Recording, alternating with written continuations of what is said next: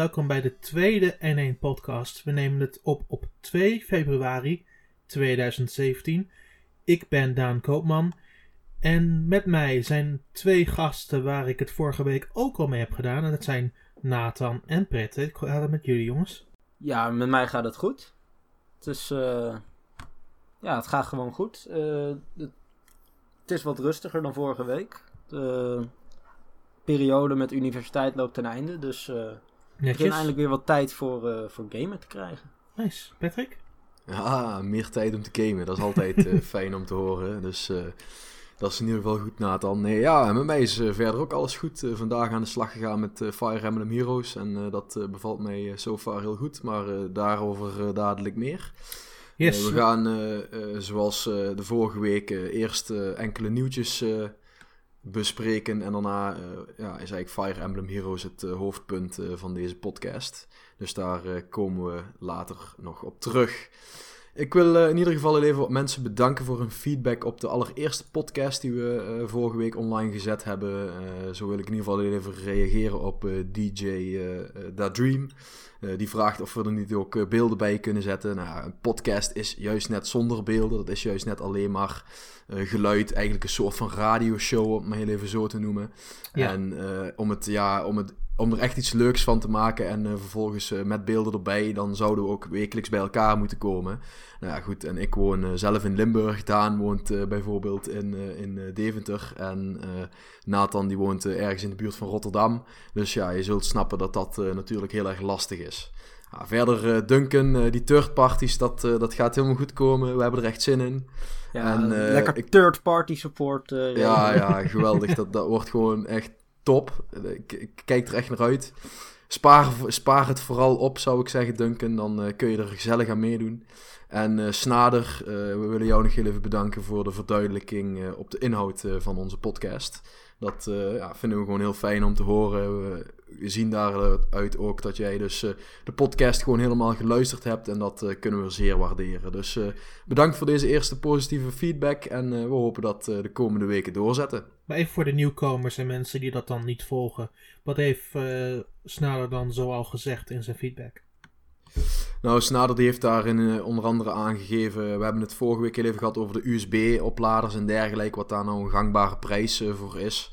Nou, daarvoor geeft hij aan dat dat uh, tussen de 25 en de 30 euro uh, is. En volgens mij gaat de oplader van de uh, um, Switch. Van de Switch, de, adapter gaat volgens mij 35 euro kosten, als ik me niet vergis. Maar goed, dat, maakt er even niet zoveel uit.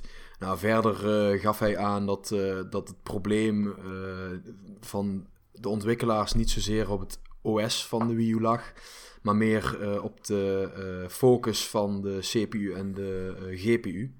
Um, de PlayStation 3 en de Xbox 360, uh, eh, daarop heb je voornamelijk CPU-heavy, uh, uh, of ja, processor-heavy games. En op de Wii U was dat meer gericht op de grafische processor. Nou, en blijkbaar is dat een van de dingen waardoor ontwikkelaars ja, gewoon wat meer moeite hadden om voor de Wii U te produceren. Nee, duidelijk. Dus ja, in ieder geval bedankt Snader voor die verduidelijking. En nou, dan gaan we nou verder met het eerste nieuwsbericht. En dat was nogal een uitgebreid nieuwsbericht, want we hebben weer een investors meeting gehad. of niet aan? Ja, de eerste negen maanden van de financiële periode van Nintendo zit erop voor dit jaar. En het is bijna tijd om, met, voor Nintendo om de balans op te maken. En de laatste balansopname zal de Switch lancering zijn. Maar er waren genoeg details om dit een discussiepunt te maken. En ik heb een eh, heel lijstje opgetypt, zoals jullie kunnen zien in de chat voor jullie. Uh, ik ga er langzaam langs en uh, hoe meer we verder we gaan, kunnen we individueel punten ook wel gaan bespreken. Um, en het eerste punt waar ik over wil hebben is Pokémon Sun and Moon. Pokémon Sun and Moon is meer dan 13 miljoen keer verkocht tijdens deze periode. Uh, de afgelopen drie maanden is dat. Uh, na, na de eerste zeven weken was dit al 12 miljoen, 12,15 miljoen. Um, de vorige games waren in diezelfde periode heel wat minder. Um, Pokémon Mega Ruby en Alpha Sapphire was 7,55 miljoen. X en Y was 9,65 miljoen. En Nintendo zag vooral een vernieuwde doelgroep met 20ers en 30ers.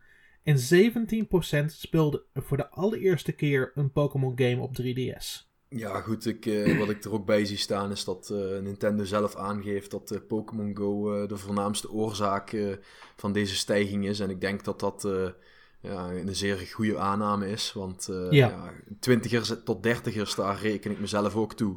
Nou goed, en ik ben opgegroeid met Pokémon en ja, om dan weer met Pokémon Go geconfronteerd te worden, dan denk je toch van, ah, misschien moet ik toch weer eens eventjes die nieuwste game ook eens uitproberen. Want ik vond Pokémon eh, geel en, en eh, rood en blauw vond ik vroeger ook helemaal vet. Dus ja, ik, ik snap dat wel. En ja, ik, ik vind het ook best wel bijzondere aantallen. Dat gewoon 17% van de mensen voor het eerst een Pokémon game op de 3DS eh speelden. Dus ik- ja, goed, ik, ik mis hierin heel eventjes de eh, aantallen eh, 3DS'en die verkocht zijn in de afgelopen tijd. Mhm. Maar ja, ik, ik kan daar denk ik ook uit opmaken dat er dus veel 3DS'en verkocht zijn aan eh, mensen die ja, überhaupt nog geen 3DS hadden eh, vanwege Pokémon Go. En, Het, het, ligt, het ligt nogal per regio verschillend. In Japan was het juist iets minder.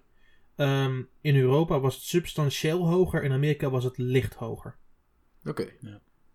Ja, dus dan eh, voor de 3DS verkopen heeft eh, Pokémon Go dus het meeste gedaan in eh, Europa. Ja, Begrijp ik daar. en, Ja. ja, en Pokémon Go heeft Nintendo zelf 150 miljoen dollar geschonken. Ja, dat is eh, ook behoorlijk. Dat is heel fors. En dat is wat ze tot nu toe eraan hebben verdiend. En dat kan nog hoger uitkomen, want er zijn nog drie maanden in deze financiële periode te gaan. Maar 150 miljoen voor een game die zij niet zelf hebben gemaakt is helemaal niet slecht. Ik En ook eh, Oh. bedenk ook dat Pokémon Go eh, volgend jaar, of nou ja, zeg maar na maart, ook gewoon nog miljoenen kan gaan opleveren als ze weer de, van de zomer gebruik maken. Ja, absoluut. Misschien starten ze dan in de lente wel, je hebt geen idee. Ehm, maar dat zal allemaal na maart gebeuren, heb ik het idee. Ja. Wat ik zelf heel opvallend vond was dat Pokémon Sun and Moon, we hebben het nou over cijfers die tot en met 31 december lopen, Ja, dat dat in die korte periode, gewoon ruim een maand, dat daarin Pokémon Sun and Moon gewoon ORS al heeft, eh, noem dat, heeft, heeft overstegen qua Ja. verkoopcijfers. Ja het is... Zelfs live to date. Het is bizar. Het is echt heel bizar. Uh, Ores was een, naar mijn mening, een heel goed spel. Ik vond dat ze dat, die remake heel goed hebben opgepakt. Maar Sun and Moon van het, het hele, de hele stijl van de game en hoe ze de game oppakken, zo resoluut. Dat ik denk dat het ook wel mensen heeft aangetrokken die een beetje klaar waren met Pokémon. Het is wel veel toegankelijker, vind ik, dan de voorgangers. Daar ben ik het mee eens, ja. Ik vond zelf vond ik ORS niet zo heel leuk. Dat, dat Eh, kan, dat kan. Sommige mensen vonden maar- het ook niet leuk.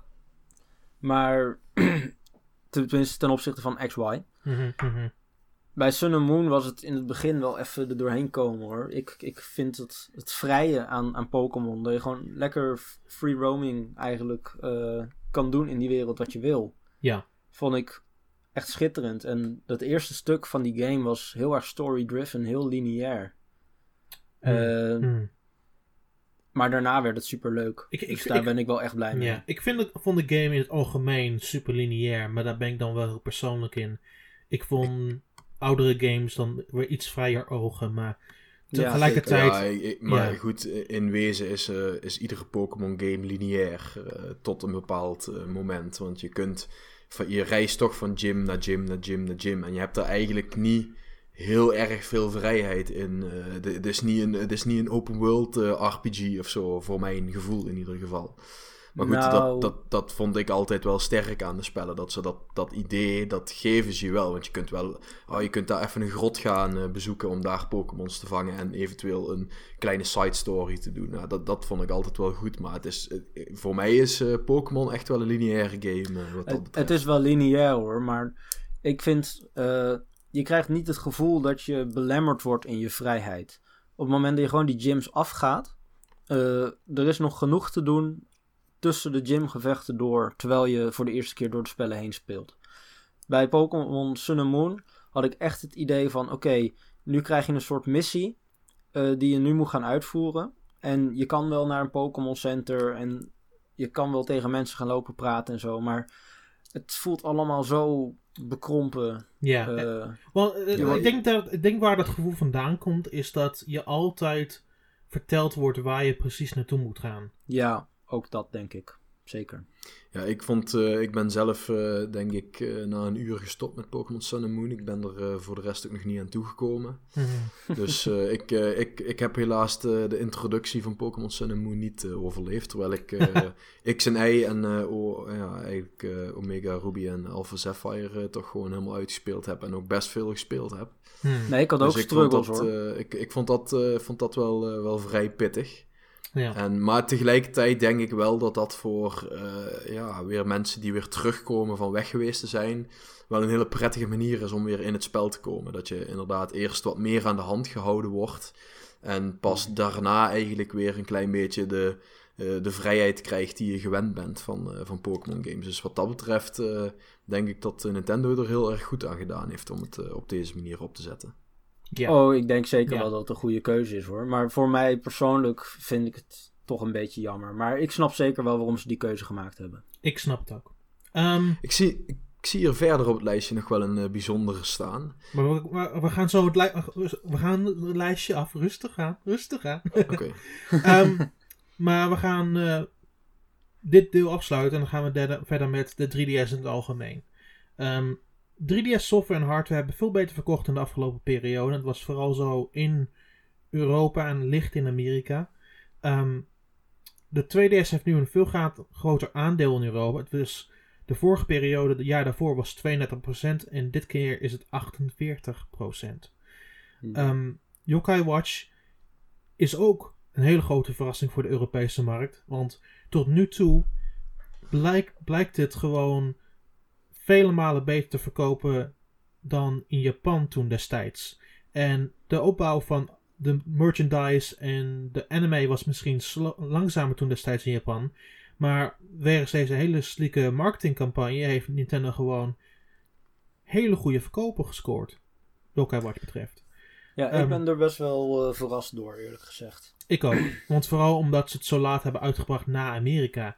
Dus ik had er eigenlijk niet zo'n hele grote hoop voor. Maar ze hebben het nou, gewoon heel slim... Dat, is denk ik, dat heeft denk ik niet zoveel effect. Want Yokai Watch is uh, best wel gefocust op kinderen. Nog mhm. meer dan Pokémon. Ja. En met wat ze gedaan hebben met uh, merchandise, met de televisieserie...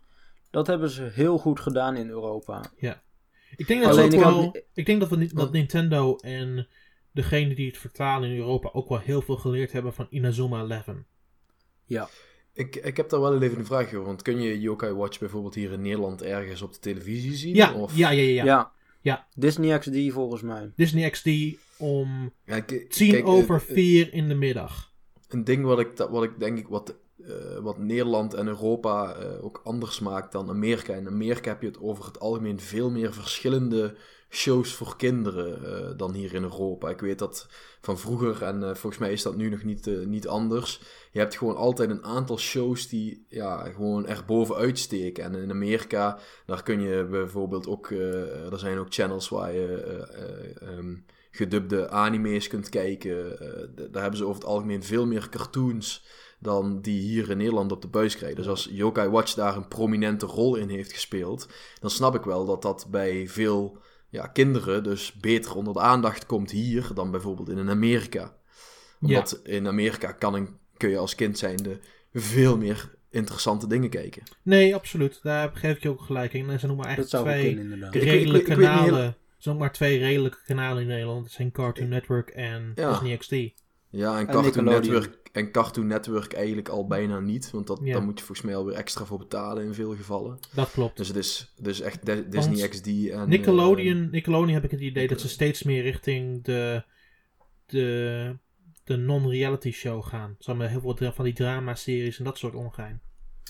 Oh ja, wat oudere doelgroep aanspreken. Ja, ja, ja. Nou, daar, daar, heb ik echt geen idee van. Um, om weer terug te komen op dit hele gegeven. Uh, Nintendo wil nu meer aankopen bevorderen gezien de momenten nu is opgebouwd.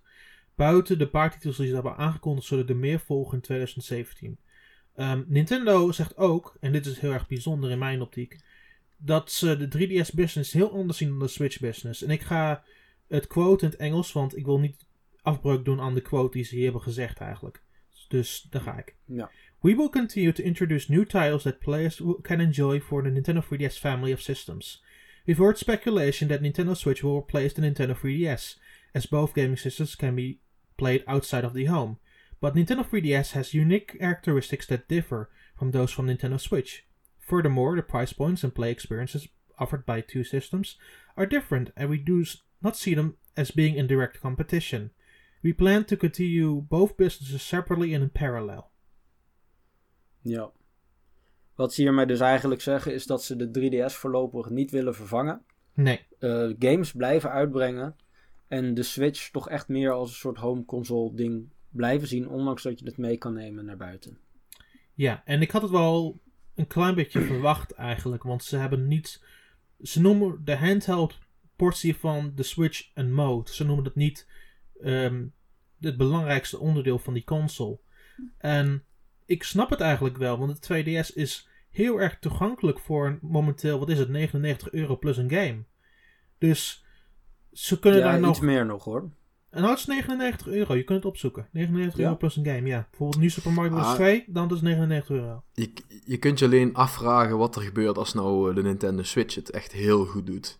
Of ze dan nog steeds bij die gedachte blijven of dat ze dan toch ook eh, 3DS games eh, bijvoorbeeld naar de Switch gaan brengen. Gewoon puur omdat daar een, eh, ja, een nieuw publiek ontstaat. Dus ik, eh, ik, ja, ik, ik snap dat ze dit nu zeggen. Mhm. Alleen of dat, eh, of dat over eh, eh, een half jaar nog steeds hetzelfde Een is, half jaar, dat een half jaar, een half jaar nog wel. Want dan hebben ze nog games die ze uitbrengen voor de 3DS.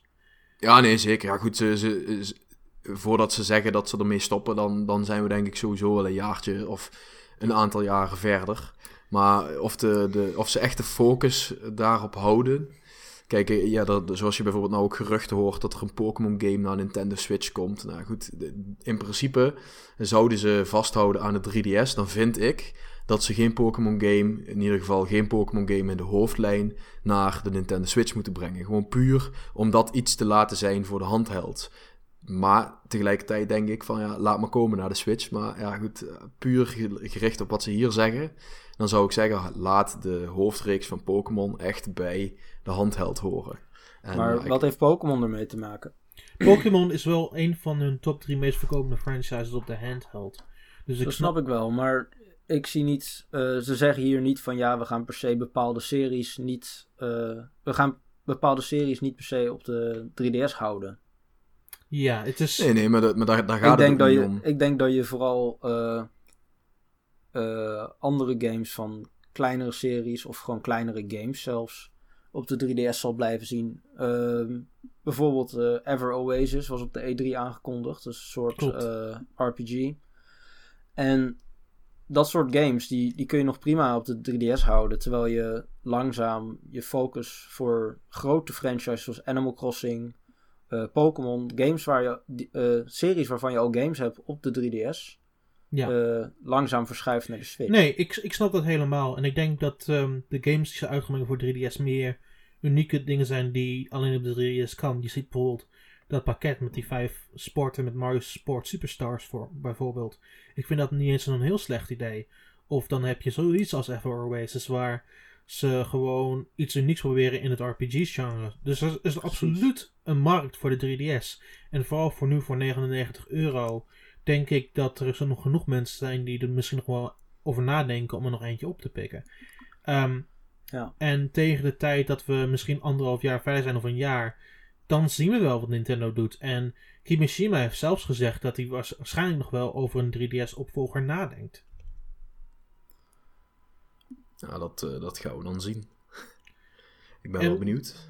Ja, en ik ben best in geïnteresseerd in een 3DS-opvolger. Ik vind het eng, want dat betekent ook dat Switch niet alle aandacht krijgt tegelijkertijd. Maar ze hoeven Nou- eigenlijk, eigenlijk- eigenlijk ook maar één nieuwe game per franchise voor een, voor een systeem te maken.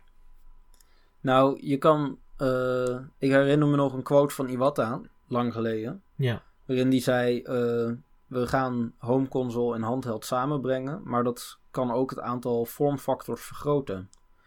Een Switch zonder dock is eigenlijk gewoon een handheld. ik denk dat als ze zoiets gaan doen, dan wordt het gewoon een Switch die je niet in een dock kan doen. Plus de feit dat je de Joy-Cons er niet af kan halen. Ja, zoiets.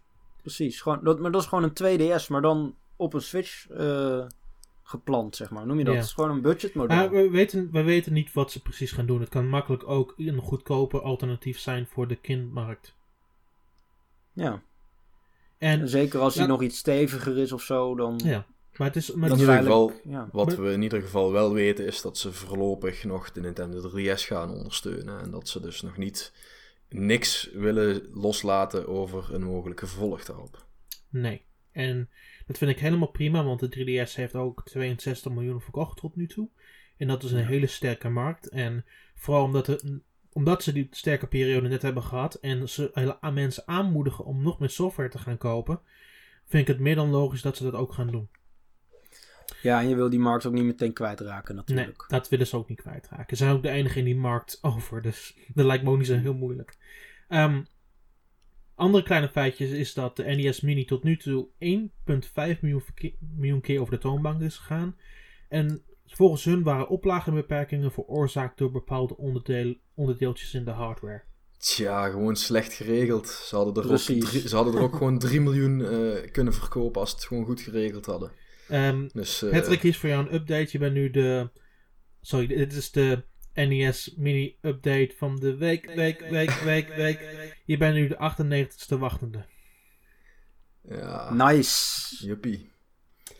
Ik denk dat we kerst 2018 gaan we nog halen. Ja, dat gaan we. nou, ik, ik, ik, heb er geen vertrouwen in.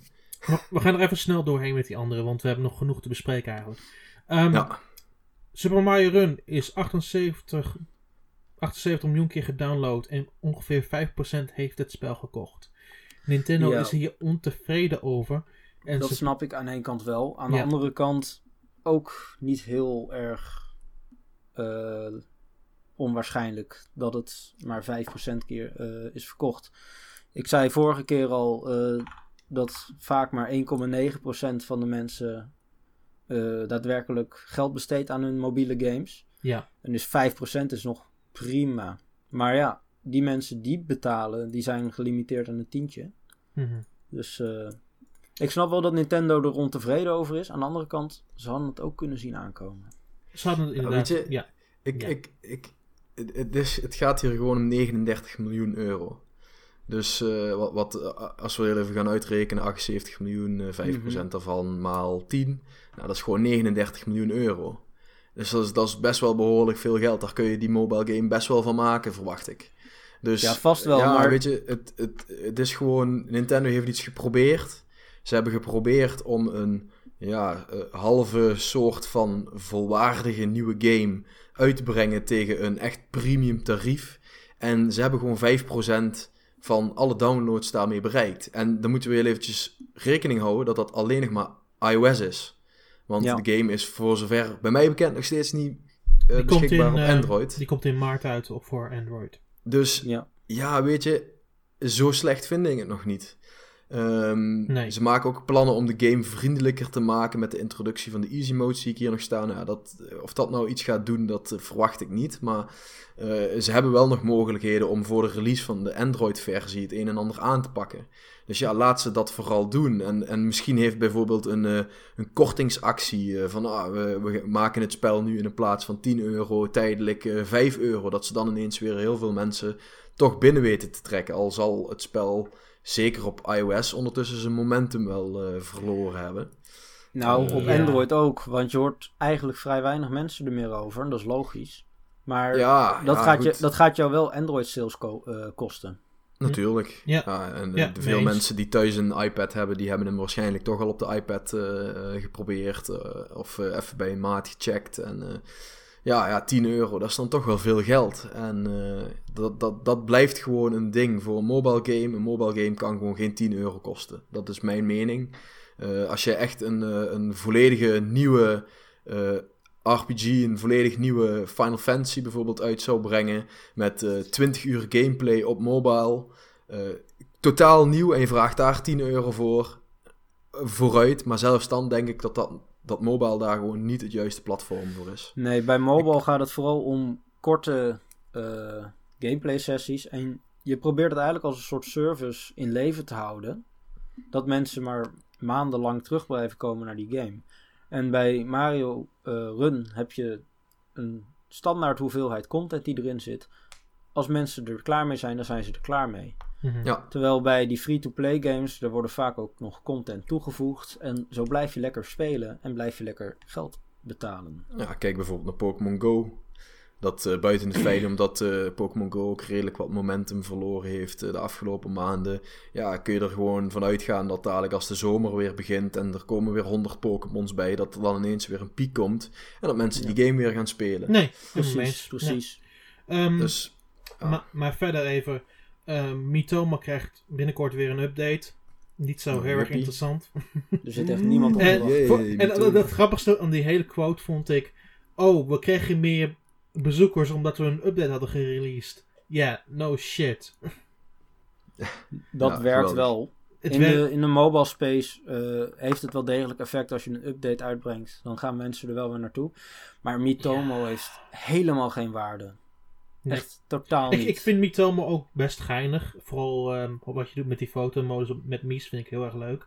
Maar ik ken verder niemand die hem nog op zijn telefoon heeft staan. Nee, Ehm. Animal Crossing komt nu in het volgende financiële jaar uit. Ze geven het de ruimte om nog verder te ontwikkelen, maar blijkbaar had het weinig impact op hun verwachtingen, want ze hebben niets veranderd aan hun financiële verwachtingen voor de komende periode. Dus dat ja, betekent, waarschijnlijk had het in maart moeten uitkomen. ja, en dan maar, heeft dan- het inderdaad maar- weinig tijd gehad om te ontwikkelen. ja, maar dan had het wel nog wel een kleine impact gehad. Nu zeggen ze dat er geen impact zou zijn, wat best opvallend is. Ehm, maar we zullen het zien. Ehm, Nintendo weet dat sommige mensen de Switch line-up zwak vinden. Het doel is van hun om een constante stroom aan software te hebben. Ja, Ja, dat lijkt me logisch. logisch. Ja. Dat hadden we al geconcludeerd. Dat hadden we ook Dus, wel eh, geconcludeerd vorige week, maar het is mooi om die bevestiging te hebben. Eh, online diensten gaan tussen de ze- 17 17,50 en 26,50 kosten per jaar. Dat is in dollar. Dat is in dollar, ja. ja, zeer schappelijke prijs eh, zou ik zeggen. Dat is in ieder geval een stuk lager dan de concurrentie. Ja. ja, goed, ja, maar dat, je eh, krijgt dan... er wel minder voor terug. Ja, nou ja, goed, dat, dat, dat weet je nog niet precies, want ze hebben nog niet precies bekendgemaakt eh, wat erbij gaat komen. Nou, je kunt in ieder geval dus een virtual console game een, maand maand lang spelen. gratis spelen met eh, toegevoegde online functionaliteiten hebben ze daarbij aangegeven. Dus dat vind ik eh, best wel wat. Als ze bijvoorbeeld eh, Mario Kart, Super Mario Kart met online eh, functionaliteit gaan uitbrengen met acht man. Ja, geweldig. Mhm, als ik dat dan een maandje gratis kan proberen en daarna mag ik, kan ik die game voor, voor eh 7,99 euro kopen, dan, dan verkopen ze hem in ieder geval zeker aan mij. Ja, oh, maar maar ja. ze zeggen niet dat die na die maand nog steeds online speelbaar is, hè? Dat zeggen ze niet. Ja, dat klopt. Maar daar, ja, nou goed. Dat, Eigenlijk, eigenlijk ga ik daar wel Ja. van uit, maar dat, ben, dat zou heel, zou heel gek zijn. Maar Ja. Ja, maar Ja, ze goed. zeggen het niet. in ieder Je hoeft geval, Je hoeft er niet van uit te gaan. eh, we weten nog te weinig op dit moment over wat de online diensten gaan bieden. Maar de prijs, als dit de prijs wordt, dan is het in ieder geval aanzienlijk minder dan de concurrentie. Want dat is gewoon de helft. Ja, Dus, de helft. eh, dat is, 25 eh, euro per jaar zou ik prima vinden. Ja, ik vind dat, eh, vind dat heel acceptabel. Ik ook. Zeker. Eh, ze, wat ik denken, er tot nu toe van weet, in ieder geval. ze denken na over virtual reality, al willen ze zorgen dat het comfortabel is. Eh, ze hadden hiervan Ja. een concept gereleased, zeg maar een goed half jaar, drie maanden geleden. Ehm, maar ja, het, is, het bevestigt wel dat ze erover nadenken. Ja, Ja. Ik, ik, maar dat, ik, dat is ook de enige reden waarom ze dit, eh, dit soort uitspraken doen. Gewoon om, om maar eh, de mogelijkheid open te houden dat als het succesvol blijkt te worden, dat ze er dan ook nog op kunnen inspringen. Dat, dat, dat, Ja. Want dit zegt helemaal niks. Dit, Nee, dit- ik vind virtual echt- reality, dat is echt een, een... Dat gaat nog lang niets gebeuren. Want eh Kimishima die haalde aan van... Ja, we willen langere speelsessies mogelijk eh, op virtual reality. Dat is één. Mhm. En twee, de Switch, van wat we tot nu toe weten... heeft gewoon totaal niet de kracht om virtual reality te kunnen ondersteunen. De PlayStation 4 Pro die heeft er al moeite mee... om met PlayStation VR een beetje fatsoenlijke virtual reality experience eh, Ja, te, maar goed, te kijk, brengen. Maar, maar dat kun Het je gaat op hem niet worden. manier- Het gaat hem gewoon je- niet worden. maar daarvoor heb je ook de Switch niet nodig. Als jij gewoon zorgt dat de hardware in de eh, bril zit, dan heb Ja, maar dan ga je wel een bril nodig. van 1000 euro hebben. Ja, maar ja, goed, eh, dat is ook de prijs die je nou betaalt voor virtual reality om het fatsoenlijk te kunnen doen. Dus weet je, dat, dat, daar kunnen we bij Nintendo heel lang over praten, maar het gaat voorlopig niet komen en ze houden hiermee alleen de deur open. Dat is het enige wat ze doen. Wat nog wel een mogelijkheid is, bedenk ik me net, is eh, mobile VR. Wat bijvoorbeeld Google doet met de Daydream. Ja, dat is, Eh, de Daydream... dat is eh, wel degelijk een optie met de, met de Switch. Ik heb een eh, Duitse vriend die heeft een Google Pixel. Daarop heb ik de Daydream geprobeerd. En het is nog, zelfs nog beter dan wat eh, Samsung heeft gedaan. En Samsung was best interessant met de Oculus stuff die ze erin hadden gegooid. Maar. Daydream is op een heel ander niveau. Want het is ook echt met de controller en alles op in elkaar voor een hele redelijke prijs. Dus En ze hebben, zijn er ook games voor? Of, eh, Daar zijn absoluut games voor. Ja, de, de reden waarom ze dat zeggen over virtual reality is puur om inderdaad A, de deur open te houden, maar B, ik denk ook wel dat ze daarover nadenken. Want Nintendo doet, is altijd met experimenten bezig, ook ongeacht of ze niet uitkomen. Kijk maar terug naar de Gamecube, Ja. hoe ze first geëxperimenteerd hebben met 3D.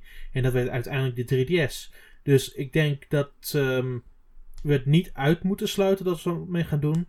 Maar ik zou ook de concurrentie naar gaan kijken, hoe met inderdaad zoals Daydream en wat Samsung heeft gedaan met de Gear.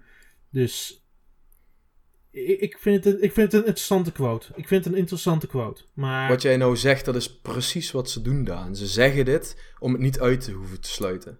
En dan, als het dan dadelijk blijkt over een paar jaar van ja, virtual reality is het helemaal. Wat ik overigens niet verwacht, maar stel over een paar jaar is het ja, virtual maar reality het gewoon dat- helemaal. Dan kunnen ze er dan op inspringen. Maar we kunnen wel zeggen van, maar Sony heeft het gedaan, het werkte niet.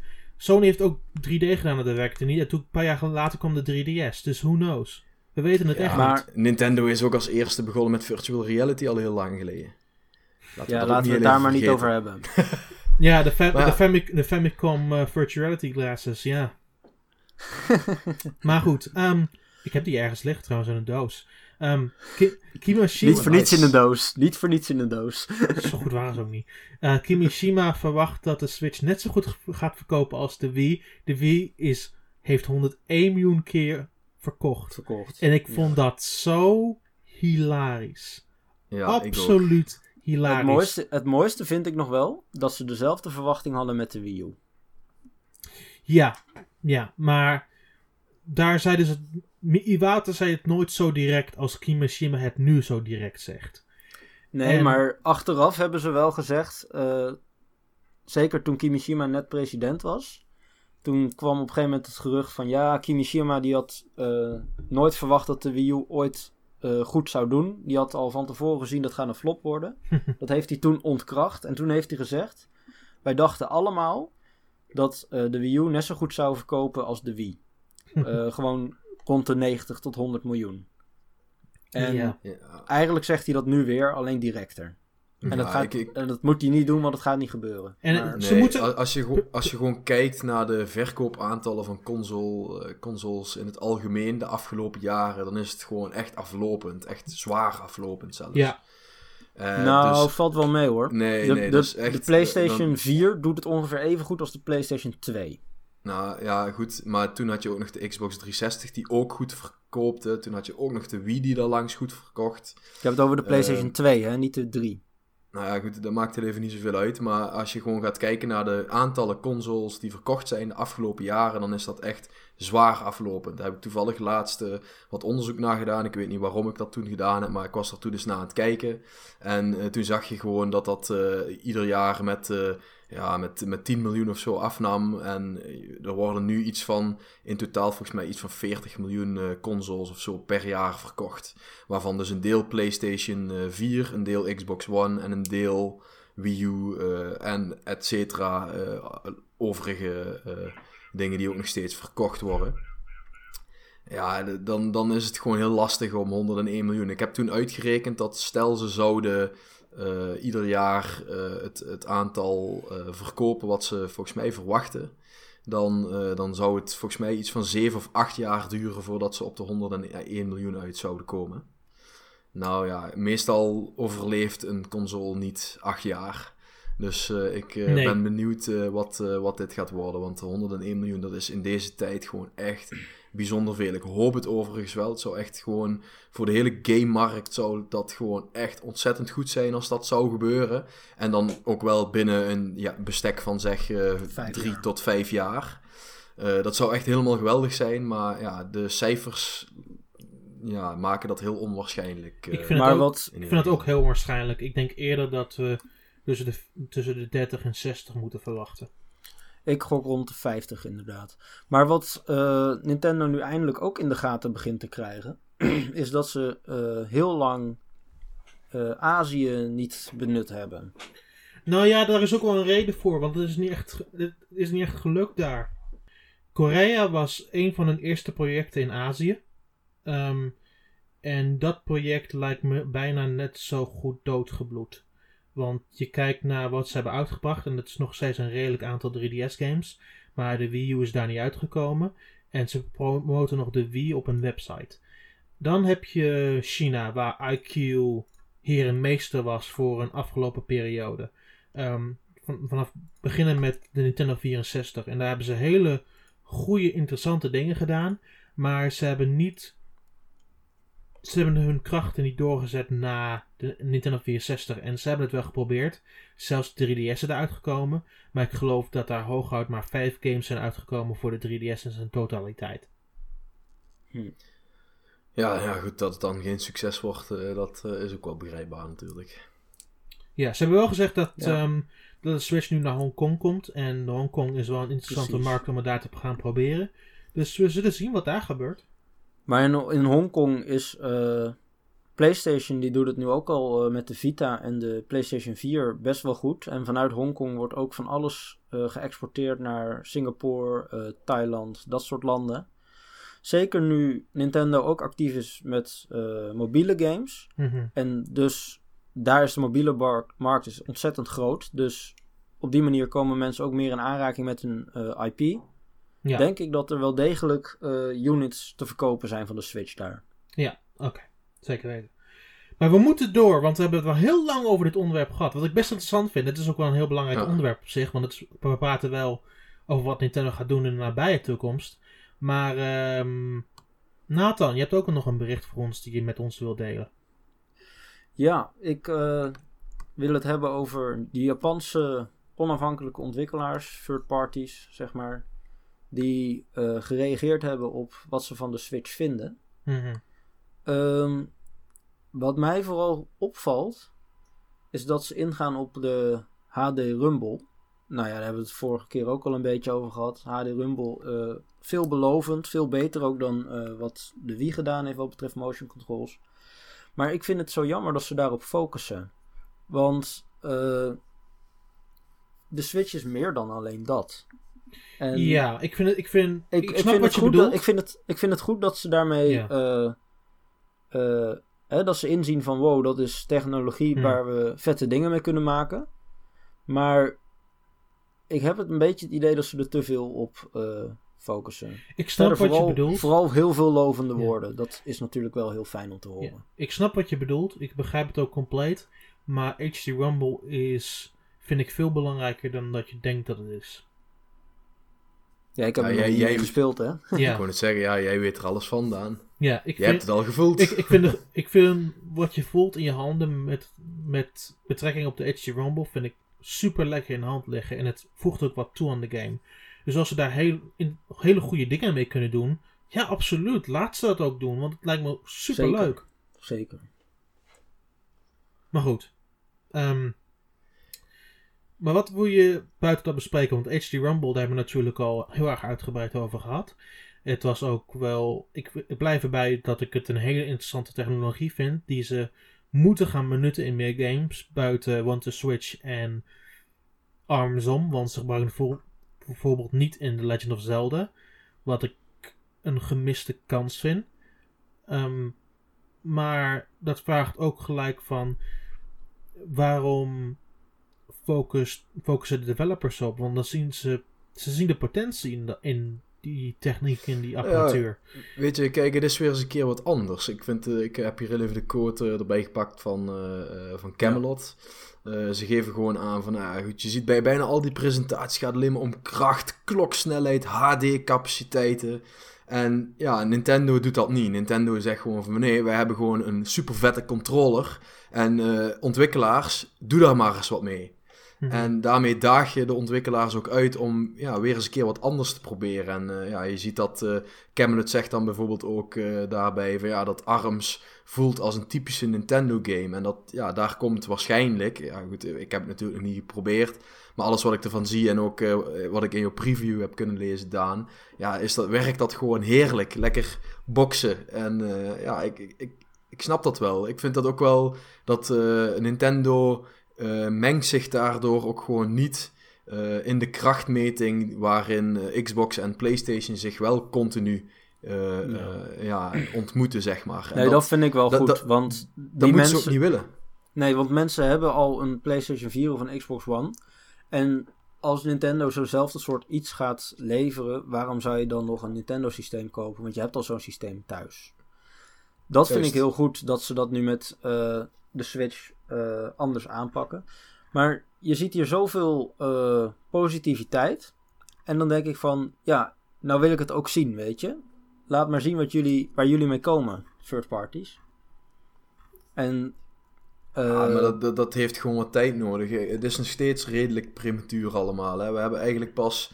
Ja, hoeveel weken is het nou geleden? Drie weken geleden of twee weken geleden hebben we pas de grote presentatie ja, eigenlijk drie. gezien.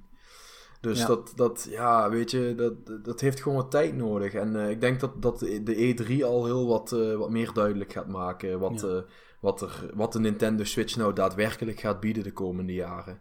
Want ja, laten we ook heel eerlijk zijn. Er is buiten wat er dit jaar gaat komen, is er ook nog niet zo heel erg veel bekendgemaakt over de Nintendo Switch. Behalve dan dat er een nieuwe Fire Emblem in de maak is voor de Nintendo Switch. Ik vind, ik vind de quote van... een paar andere games, maar... Ik vind de quote van uh, Ichi, die een, um, een, schrijver is voor anime's en voor spellen, vind ik een van de beste quotes uit het hele artikel wat je gelinkt hebt. En hij zegt: Nintendo probeert met de Nintendo Switch digitale games te bevrijden van de schermen. Ik had al voorspeld dat Nintendo deze stap zou zetten naar Wii U en deze voorspelling komt nu uit. Ze zijn ontsnapt aan de schermen en presenteren een concept waarbij spelers oog in oog met elkaar kunnen staan. De mogelijkheden zijn endeloos. Ik ben een groot fan. Of, e- of een HD Rumble visuele novelle mogelijk is? Vanzelfsprekend. En ik denk dat we extreem intense emoties kunnen veroorzaken met deze nieuwe technologie. Het is wat beschamend, maar ik denk dat het ook een grote plus is voor romantisch getinte novelles. Ik kan niet stoppen met fantaseren aan het scala aan mogelijkheden dat de HD Rumble ons geeft. ja, ja, ik heb ook al een keer ergens een quote gezien van, uh, van de ontwikkelaar van uh, Senran uh, Kagura. ja, ja, weet je, als ik dat soort dingen lees, Softness, zo, ja. ja mm, nee, ik, ik wilde, deze, ik, ik, ik, wilde deze quote er inderdaad ook al bij pakken. Want dit zijn wel interessante quotes. Hij is echt aan het speculeren van, wauw, wat kan ik hiermee? Behalve van, ja, H.G. Rumble is wel interessant. Hij, hij begint al met fantaseren en dat vind ik heel leuk. Ja, ik vind dat wat ik, het beste Wat ik ook een, een goede quote vind, dat is iets totaal anders. Maar mm. uh, van Kazuyuki Yamai van Atlus, van Shin Megami Tensei. Die heeft het erover dat uh, de huidige markt uh, van games in Japan voornamelijk is overgenomen door smartphones. En volgens mij vindt hij dat toch wel jammer. En uh, zegt hij: Ik hoop dat de nieuwe speelstijlen die de Nintendo Switch mogelijk maakt, het gespreksonderwerp zullen worden. En dat uh, mensen het plezier van videogames kunnen verspreiden. Uh, zoals dat gebeurde bij de Nintendo 64, PlayStation en de Saturn. En dan denk ik van: Ja, dit is inderdaad wat ik ook hoop. Dat mensen wat meer samen gaan komen om die. die uh, grotere ervaringen van games uh, meer samen te gaan spelen. Ik denk dat het ook wel gaat gebeuren, want als je kijkt hoe ze Switch behandelen in, in ten opzichte van de handheld mode en wat je op de televisie doet, lijkt me dat best wel de mogelijkheden om dat te doen zijn daar. Ja, zie ook One to Switch. zie ook One to Switch, maar ook de gewone reguliere ervaringen. Um, ik, ik zie heel veel potentie om twee switches met elkaar te linken en dan met z'n vieren Mario Kart 8 te gaan spelen. Ja, precies.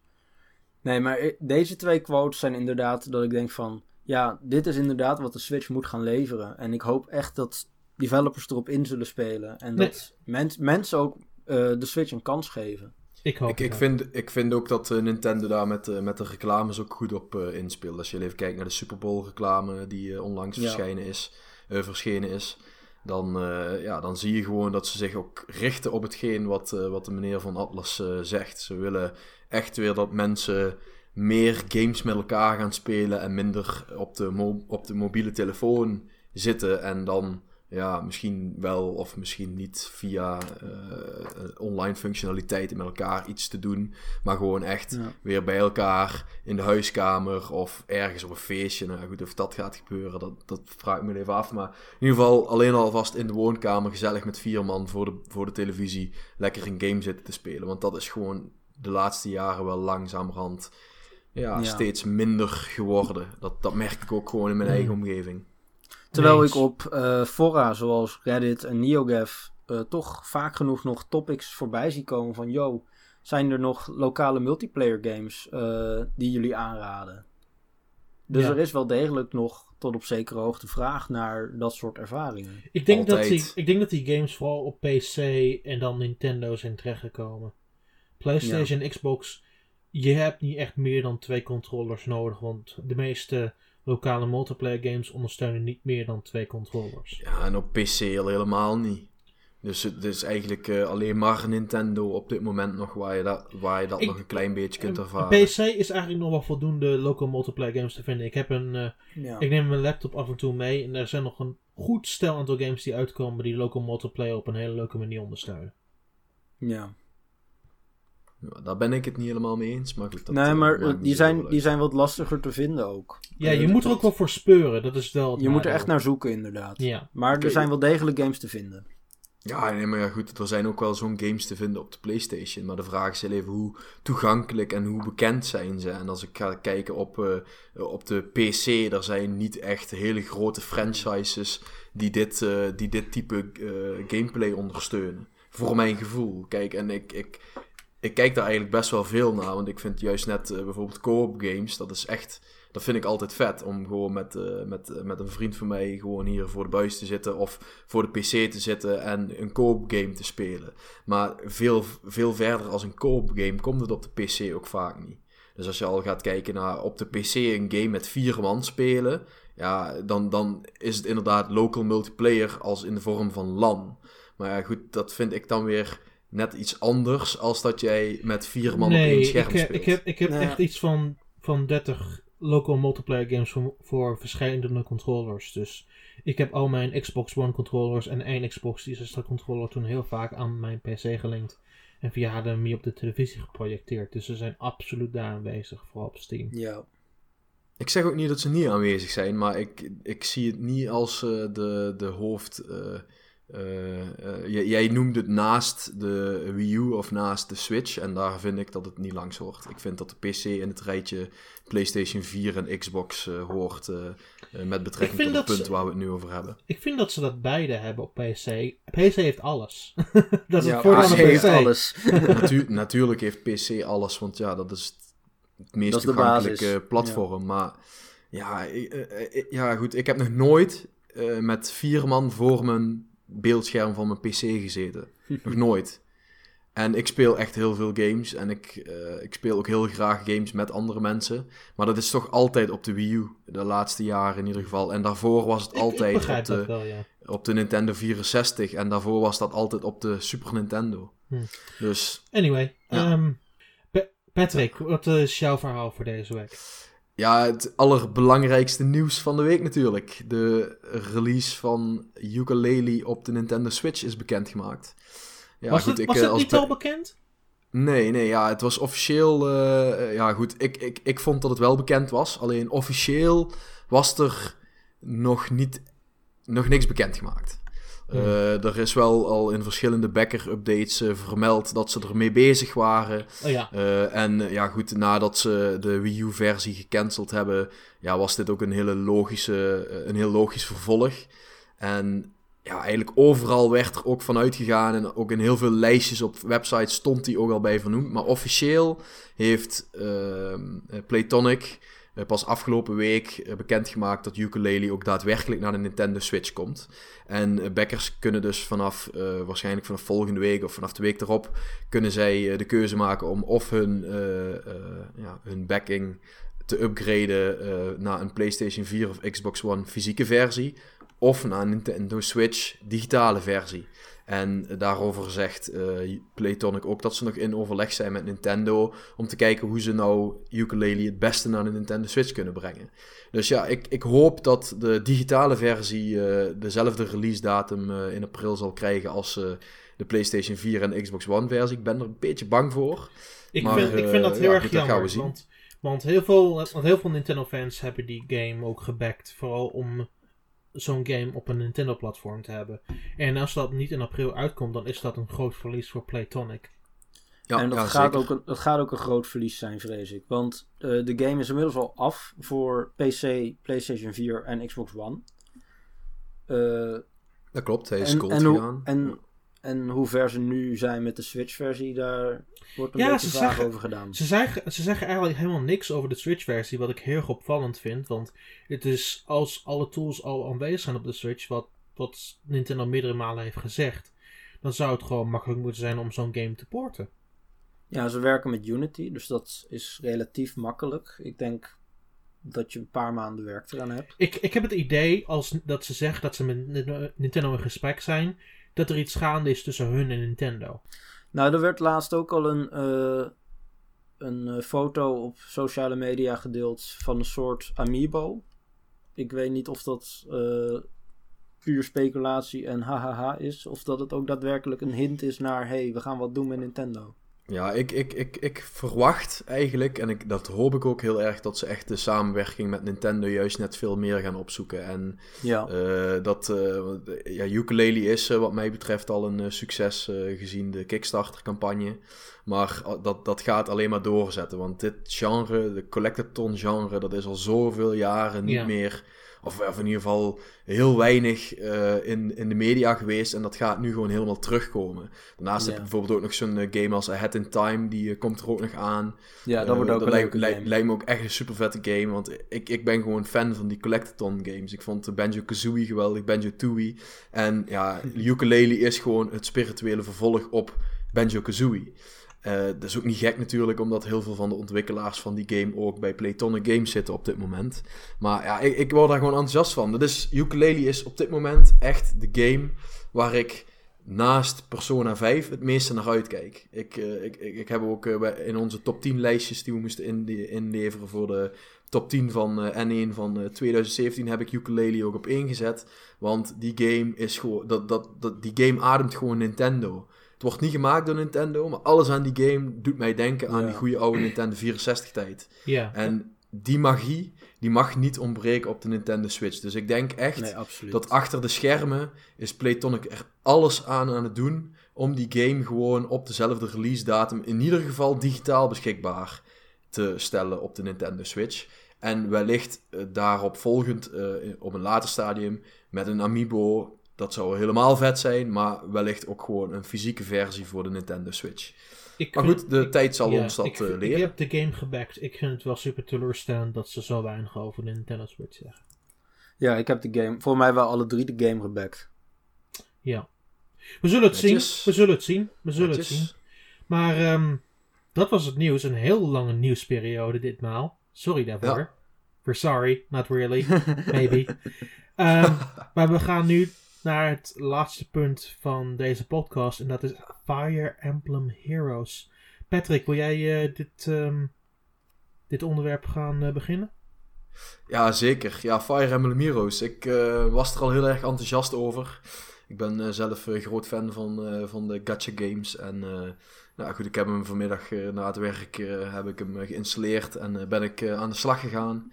En ja, ik vind het gewoon echt een geweldige game. Ik vind het uh, mijn eerste impressie. Ik ben, ben niet zo ver. Ik heb uh, chapter 1 ondertussen uit. En ja, ik, ik, ik vind het gewoon echt een geweldige game. Ik vind het een, voor mobile principes vind ik het gewoon ook al een hele complete game. Je merkt vaak bij dit type game dat er in het begin uh, vaak wat weinig content in zit en dat dat gaandeweg gevuld wordt. Maar ja, hier zit gewoon al heel veel content in, heb ik het idee. Ik heb uh, gezien in de uh, My Nintendo, uh, zeg het eens, de rewards, want uh, het is ook gelinkt aan My Nintendo. Volgens mij zijn er 13 chapters of 12, dus dat is, dat is best wel aanzienlijk er zijn, Er zijn 9 chapters. Nou, dan heb ik dat heel even verkeerd gezien, maar in ieder geval negen chapters. Dat vind ik toch al best aanzienlijk om mee te beginnen. Nou, daarnaast heb je de training tower, je hebt de arena. Ehm, je kunt natuurlijk je personages eh, helemaal aanpassen, uh, trainen. Ja, er, zit gewoon, er zit al best veel content in voor een game die vandaag uit is gekomen. Voor uh, begrippen, mobile begrippen, om het maar heel even zo te zeggen. Dus ik, ja, ik ben echt onder de indruk van deze game. Ik vind dit ook na Mario Run, dat vond ik geen echte mobile game. Dit vind ik wel een echte mobile game. Maar uh, je zei net dat je het ontzettend leuk vond ten opzichte van andere gacha games. Wat, wat is er zo aantrekkelijk aan deze game ten opzichte van uh, de games die hiervoor speelden? Nou ja, enerzijds uh, de gameplay van Fire Emblem. Of ja, dat is eigenlijk wel het allergrootste deel. Want de gameplay van Fire Emblem die komt hierin gewoon zeer goed tot zijn recht, vind ik. Mm. En ja, goed, de andere games die hebben vaak ook wel een... Ja, je hebt, ze hebben altijd een gameplay element. Uh, nou ja, bij Dokkan Battle is dat uh, bijvoorbeeld dat jij uh, ja, op een orb moet klikken en dan gaat die orb automatisch een stukje vooruit en dan doe je zoveel schade. Nou, dat is niet zo heel spannend. Daar, daar, kun je ook niet zo heel veel in fout of goed doen eigenlijk. Terwijl ja, bij dit, dit is gewoon Fire Emblem op de mobiel. Dit is gewoon een strategy RPG op de mobile, gekoppeld met, ja, met het verkrijgen van de personages, wat ze naar mijn mening ook nog wel bijzonder vriendelijk gemaakt hebben in deze hmm. game. Want uh, de, de, het kanspercentage dat je namelijk een 5-sterren personage uh, ontvangt uh, bij een gacha pool is 6%. En dat is echt aanzienlijk veel hoger dan het gemiddeld is bij een gacha game. Normaal gesproken zit dat rond de 4%, misschien iets lager zelfs nog. Dus ik vind dit wel, uh, wel heel, uh, heel prettig. Hmm. Uh, plus dat de personages die in de banner zitten, dus bijvoorbeeld op dit moment zijn dat Camellia en Takumi en nou, nog enkele andere, die hebben gewoon bijna 1% kans dat je ze krijgt. Ja, dat is echt belachelijk hoog. Plus dat Nintendo er daarnaast ook nog bij heeft vermeld dat als jij lang geen 5 sterren personage krijgt, dat op de achtergrond de kans dat jij dat een keer gaat krijgen ook nog steeds hoger groeit ja, dat, dat, dat maakt het een, een hele toegankelijke gacha game voor mijn uh, gevoel. Ik, um, dus van mijn perspectief is dit de allereerste gacha game die ik echt resoluut aan het spelen ben. Um, en ik zie het meer van een Fire Emblem perspectief, want ik ben ook een hele grote Fire Emblem fan. Um, en wat ik. Er zijn een paar dingen eraan opgevallen. Uh, het eerste ding is: het is de volwaardige basisprincipes van hoe je battles um, wint en taken uitvoert. Uh, het voelt wel wat meer versimpeld. Want ik, ik vind het niet echt een uitdaging momenteel. En misschien groeit dat nog hoe verder ik in het spel kom. Maar ik heb hem momenteel op hard staan. Want ik begin altijd met hard. En daarna ga ik naar lunatic meestal. En ik heb niet echt het idee dat ik heel erg uitgedaagd word.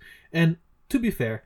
Um, er zijn ook maar vier personages in jouw team op een gegeven moment. En er zijn ook maar een aantal tegenstanders die je moet verslaan. Dus er is ook niet zo heel veel gaande om, om het te uitgebreid te laten zijn. Het is simpelweg een iets versimpelde missie. En het is prima voor wat het is. Ik heb er heel veel plezier mee. Maar ik merk wel dat, dat ik er aardig snel doorheen ga. Dus ik ben al, al flink tegen het einde van chapter 2 aan. Ja, wat je, wat, je, wat, je, wat je vaak merkt bij deze games dat is dat ze uh, in het begin, juist net om je er zeg maar in te trekken, vaak uh, heel gemakkelijk zijn. En dat je naarmate je inderdaad verder in het spel komt, het ook echt steeds moeilijker wordt. En ik verwacht dat dat hierbij niet anders zal zijn. Nee. Um, nee. Uh, de, dat, dat is eigenlijk een beetje het standaard. Ja, we loeren je mooi in het spel met. Het is makkelijk en dan gaan we het op een gegeven moment wat moeilijker maken om toch ook de uitdaging erin te houden. Dat, dat, um, dat gezegd hebben we allemaal.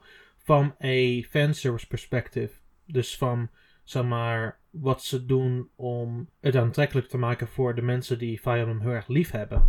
Want daar gaat het mij uiteindelijk om. Het maakt mij niet uit of het heel erg simpel is, want het is toch een game die ik voor het meeste deel toch gratis speel.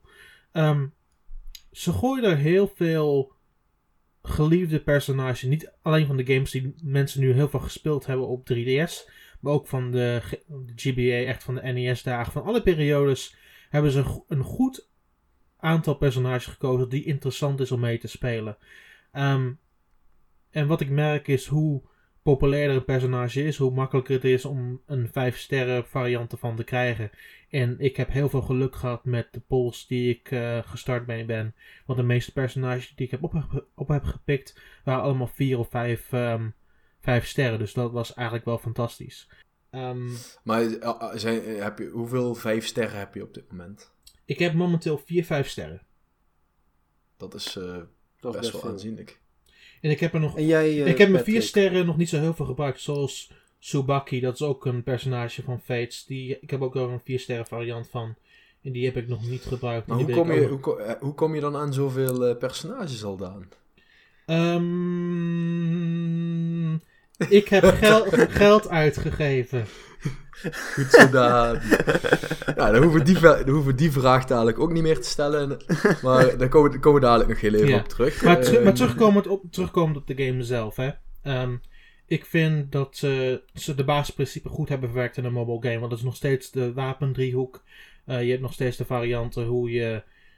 Zoals met uh, de bow and arrow en de axe en, wat, en de alle andere wapens kun je nog steeds op een optimale manier benutten. Zoals je daar, zodat je er een... Uh, een advantage aan overhoudt.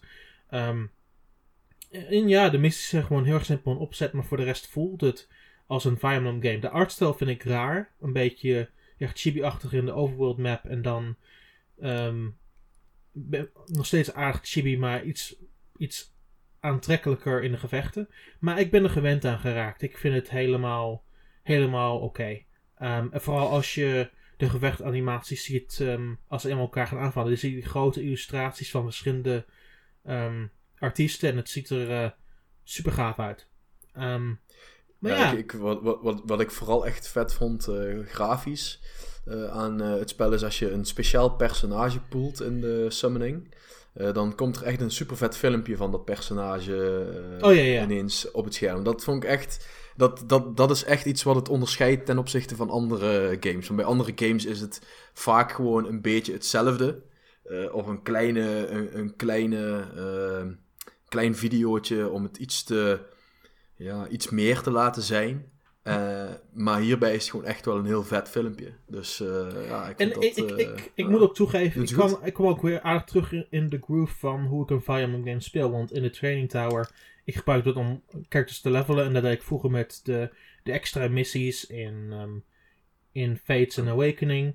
Ja. Um, ik ga gewoon voor de speciale maps zoals ze eenmaal zijn. Er was maar eentje beschikbaar, maar die heb ik meteen uitgespeeld. Zo, zo, deed ik het vroeger ook met andere games. En uh, ja, voor de rest speel ik gewoon door het verhaal en zie gewoon waar het schip strandt. Um, maar ja, in het algemeen ben ik er aardig positief gestemd over. Ik vind het best een geinige game. Ja, ik vind, nice. uh, dat ze, ik vind dat ze Fire Emblem goed vertaald hebben naar het mobiele scherm uh, hiermee. Want ja, het moet natuurlijk ook, uh, het moet natuurlijk ook kort blijven. Het is niet iets wat je uren aan een stuk doet. Ja, maar Patrick, nee. ze hebben letterlijk Fire Emblem vertaald. Want, de, want wat ik ook heb gemerkt, zelfs met zeg maar, de, de maps van oudere games. Ze hebben gewoon versies van oude maps gewoon in dit spel verwerkt. Nou ja, prima toch? Ja, het is, maar ik, ik herkende het meteen. Zo van, oh ja, die is van die game en dat is van die game. Maar het, maar het, gaat ook wel in op het verhaal waar je naar verschillende werelden reist. En probeert de, de helden van die wereld te redden van een gemeen koninkrijk dat ze onder hun hoede wil nemen. Dat soort dingen allemaal. Dus het past ja. precies in de context van die game ook.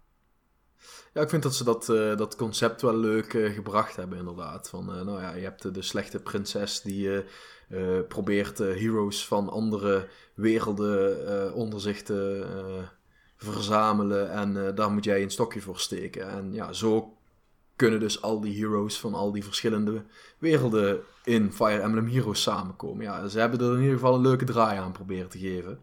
En, Zonder ja, meer. Er zit, en, en het verhaal, ja, dat zit er gewoon helemaal in en is ondertussen negen chapters lang, uh, gaven we net al aan. Dus uh, ja, wat dat verhaal nog uh, meer gaat bieden, daar ben ik eigenlijk ook wel heel erg benieuwd naar. Zeker, ja. Jij hebt uh, de game, uh, in ieder geval de tutorial heel even gespeeld, uh, Nathan. Wat, wat is jouw eerste ja. ingeving daarvan? Ja, ik, ehm, ik ben inderdaad bijna niet toegekomen aan die game. Ja, ja niet gek het, natuurlijk. Het, nee, het is pas vandaag uit, maar jullie meteen massaal erop. ik, ik heb nog niet eens de mogelijkheid gehad om geld eruit aan uit te geven. maar ehm, nee, het, het voelt verrassend vertrouwd, inderdaad. Eh, ja, ik heb alleen nog maar de tutorial eh, door kunnen spitten. Mhm. Maar het, het voelt heel erg als een traditionele Fire Emblem game. Dat idee krijg ik ervan in ieder geval. En dan is het allemaal kleiner en zo. Maar dat is prima. Want als ik in de trein zit of zo, eh, met een kwartiertje ben ik klaar eh, met de treinreis. Dan wil ik ook klaar zijn met die game. Terwijl op de 3DS ben je al gauw een half uur of een uur bezig met één map. En dat hebben ze heel goed aangepast. En eigenlijk ja, kan ik gewoon niet wachten totdat ik gewoon verder kan spelen. Ja, inderdaad. Het is, het is, ja, het is Ja. gewoon precies Fire Emblem. eh, qua gameplay is het gewoon Fire Emblem zoals je gewend bent. Alleen, ja, nu komen die, die summonings en zo erbij. En je hebt een wat apart verhaal. Maar de gameplay voelt heel soli- solide. En dat maakt die game ook gewoon meteen een stuk aantrekkelijker. En de rest, dat, eh, dat maakt dan eigenlijk ook niet zo heel veel meer uit. En daar ga ik gewoon van genieten. En ik zie wel wat ik ervan vind. Sure. Maar Ja. dat, on- het maakt eigenlijk nu al niet meer uit voor mij eh, hoe dat verhaal gaat worden. Eh, de gameplay aan zich eh, blijft behouden. Er zit, wat, wat je, jullie net al zeggen, best wel veel content in. Dus eh, ja, voorlopig blijf ik wel lekker bezig, denk ik. Ik nee, absoluut. uit. Ja. Want je, je hebt, jij hebt jouw initiële gacha pool nog niet gedaan, maar welke personages zou je nou echt graag willen hebben om mee te beginnen? Ik denk vooral personages die, eh, die ik gebruikt heb in de console games die ik gespeeld heb. Dus Zoals? bijvoorbeeld, eh, ik zou graag Lin van de eerste westerse Fire Emblem, zeg maar, eh, Ja, die wil ik- willen hebben. Da- daar aas ik nu op. Ik wil heel graag Lin hebben in mijn collectie, maar die Ja. heb ik nog niet Ik vond, tegengekomen. ik, Lin is eh, al sinds ik die, die game origineel gespeeld heb, een van mijn favoriete Fire Emblem personages. Mhm. Kijk ik ook heel erg naar uit om als haar te kunnen spelen in Fire Emblem Warriors. Oh ja, dat wil ik heel graag. Ja. Shit. Wauw. Je slaat, je slaat de spijker wel keihard op zijn kop, zeg. Shitje. Ehm, ja, en dan verder, ik heb de, de Wii en de Gamecube games heb ik niet gespeeld. Dus dan vooral de, de 3DS games. Eh Crom natuurlijk, maar dat is een beetje standaard om dat te zeggen. Ja, sure. Ehm, van, wat zei je? Ik zeg ja, sure. Ehm, van eh Fates eh, eh, Cordelia. Dat is van Fates, toch? Of is dat... Nee, dat is Awakening. Dat is Awakening. Cordelia. Dat is Awakening. Cordelia vond ik een, een leuk personage. Eh, daar, hè? Zo wil ik eigenlijk van, van al die verschillende soorten personages die je al had in de oude games, wil ik gewoon een soort team vormen. En zo door dat spel heen eh, werken. Maar vooral Lin, inderdaad. Vooral Lin wil ik hebben. Mhm. Nou, dan heb je in ieder geval nou het grote voordeel dat jij eh, op de tweede banner kunt poelen. En dan heeft Lin eh, bijna 1% kans eh, om, om, dat je die krijgt. Dus eh, ja, succes eh, de eerste keer na dan. ik ben niet van plan om er geld aan uit te geven. Dus eh, Ik ik ben wel. benieuwd hoe lang dat Ik nog gaat wel, ik lukken. wel, ik wel, ik wel. ja, wel, ik vond, ik wel. vond echt, eh, ik, ik blijf het gewoon echt, eh, de, ik kan, dat kan ik niet genoeg benadrukken. Ze hebben deze gacha game, daar hebben ze echt wel heel goed nagedacht hoe ze dat ook in het Westen kunnen gaan vermarkten. Want gacha games worden over het algemeen niet zo heel erg veel gespeeld in het Westen. Eh, en dat komt waarschijnlijk, of dat is in ieder geval mijn verwachting, doordat het zo random is. Je, je kunt daar echt eh, in games als Dokkan Battle, daar kan ik eh, verhalen op Reddit vinden waarop gewoon staat dat mensen gewoon Ja. duizenden euro's uitgeven om e- één bepaald personage te poelen. En hem dan gewoon niet poelen. Ja, dat, dat, dat- dat Ja. is natuurlijk van de zotte. Nou, ik heb het gevoel dat je dat bij, bij deze game gewoon niet gaat krijgen. Als jij, een, Minder. Als jij iets, als je, of minder. Eh, als jij een personage wil, dan ga jij die in ieder geval krijgen. Eh, is het niet meteen de 5 sterren variant, dan is het wel de 3 sterren variant. En die 3 sterren variant die kun je weer trainen naar 5 sterren. Dus dat Ja, maakt het allemaal weer een stuk Zeker. westvriendelijker, om het maar zo te zeggen. Want ik, heb, eh, ik had heel veel mazzel bij mijn eerste gacha pool. Ik kreeg meteen ehm, eh, Tiki, eh, onder andere. En, Ja. Nice, nice. Nice. ja, daar was ik wel, eh, was ik wel blij mee. En eh nou ben ik heel even de naam van die tweede kwijt. Ja, dat is heel jammer. Maar dat was in ieder geval... Hoe heet ze nou? Nou, maakt Ja, niet die, uit. die, nou, in ieder geval, die, die, die, staat ook op de banner. Die, eh, op de tweede banner. Nou ja, ik kom er even niet op. Maar goed, het maakt niet uit. En ja, dat, eh, dat zijn toch wel allebei eh, ja, fan-favorites, om het maar zo te zeggen. Dus ook voor mij. En De, eh, ja, de daar ben de ik nou eh, de het tweede ben, bedoel je die van The Legendary Heroes of bedoel je van Deep Devotion?